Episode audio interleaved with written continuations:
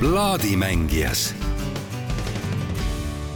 esmaspäev ja oleme taas Psühhoteegi plaadipoes ja Ahto Külvet on meid siin kenasti vastu võtnud keset talve. tervist, Ahto! tere, tere, nii tore on teiega sellist lahedat plaati ka kuulata.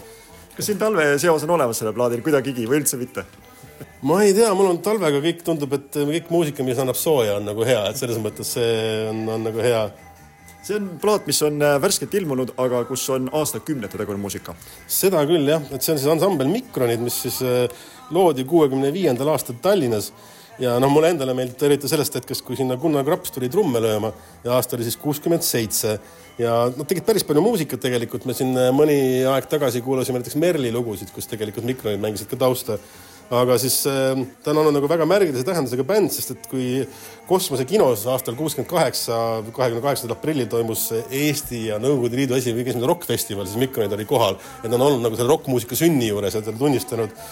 Ja siis kõik need salvestused, osad, miks siin üldse alles on see, et äh, vana hea Jüri Lina, kes siis äh, pidas ka sellist nagu sarja, vedas nagu Bobby for Revue äh, televisioonis, siis et kuuekümne kaheksandal aastal ta kutsus Mikronit sinna oma saatesse ja tänu sellele said mõned lood ka salvestatud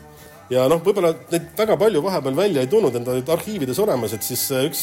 mis telekommunikatsioonifirma hammustas läbi, oli see üks imelik masin oli see, et nad kuidagi, see läks jube hästi tööle tegelikult, see lugu on kogu aeg olemas olnud, aga siis pidi nagu nelikümmend aastat umbes mööda minema, et see uuesti nagu üles tõuseks ja siis nagu, siis ma ei tea, noorem seltskond selle ära tunneks. aga noh, siin on nagu raud, raudne selline noh, rokibeat on olemas, jälle kujutan ette, et seal trummide taga istub äh, noor Gunnar Graps ja teeb ka tuju kohe heaks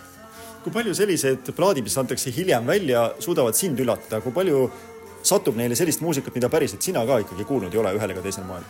no mina olen väga selles mõttes vinüülis kinni, et mina tean seda, mis on juba ilmunud, et kõik, mis tuleb uuesti välja, on minu jaoks uus. ma tean, ma olen ühe korra siin Elmari raadios olen öelnud seda, et ah ei üllata mind enam miski. ja ma läksin koju ja siis pärast sain aru, et nad täitsa, nad täitsa jobu ikka, et tegelikult üllatab kogu aeg. seesama Mikronite plaat üllatab mind nüüd, kus see Viljandi tuhat üheksasada seitsekümmend kuus rokifestivali plaat tuli välja, kõik on üllatav tegelikult, et see tähendab, et on olnud mingid väga head salvestajad ja kus on olemas ikkagi failid, mis ei ole avalikkuse ette üldse jõudnud ja põhjus ei ole mitte selles, et nad oleksid halvad, vaid selles, et äh, aeg oli selline, kus neid lugusid ei saanudki võib-olla kuskile panna, onju. ja teisipidi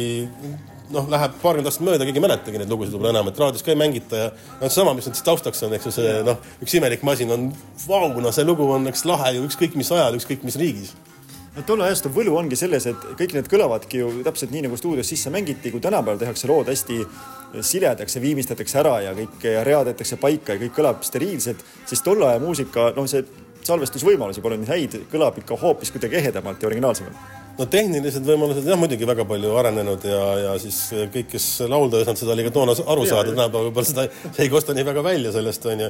et need jah, tehnilised võimalused, aga noh, jah, see ehedus võib-olla ongi lahe mõnikord, et see peabki olema mingisugune krutski sees või mingisugune natuke vilistama kuskil midagi või susisema, et siis on nagu sihuke nagu päris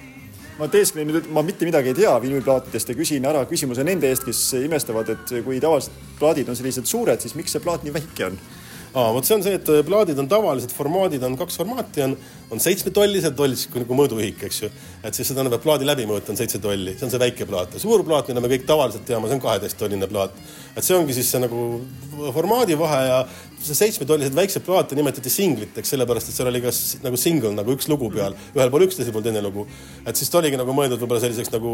jukeboksis mängimiseks ehk siis mingis mängu muusikaaparaadis mängimiseks või siis mingis promomaterjaliks. et tihtipeale antigi välja näiteks suur plaat ja siis hittlood sealt pealt anti välja ka singlitena, mida siis näiteks DJ-d saavad kaasas kanda. mulle ka DJ olen, olen hakanud armastama neid väikeseid plaate, sest et äh, nad lihtsalt kaaluvad nii palju vähem ja võtab vähem ruumi, kui neid kaasa võtta ja tavaliselt suure plaadi peal kõik lood ei olegi mängimiskõlbulikud, aga singlite peal tihtipeale on niimoodi et see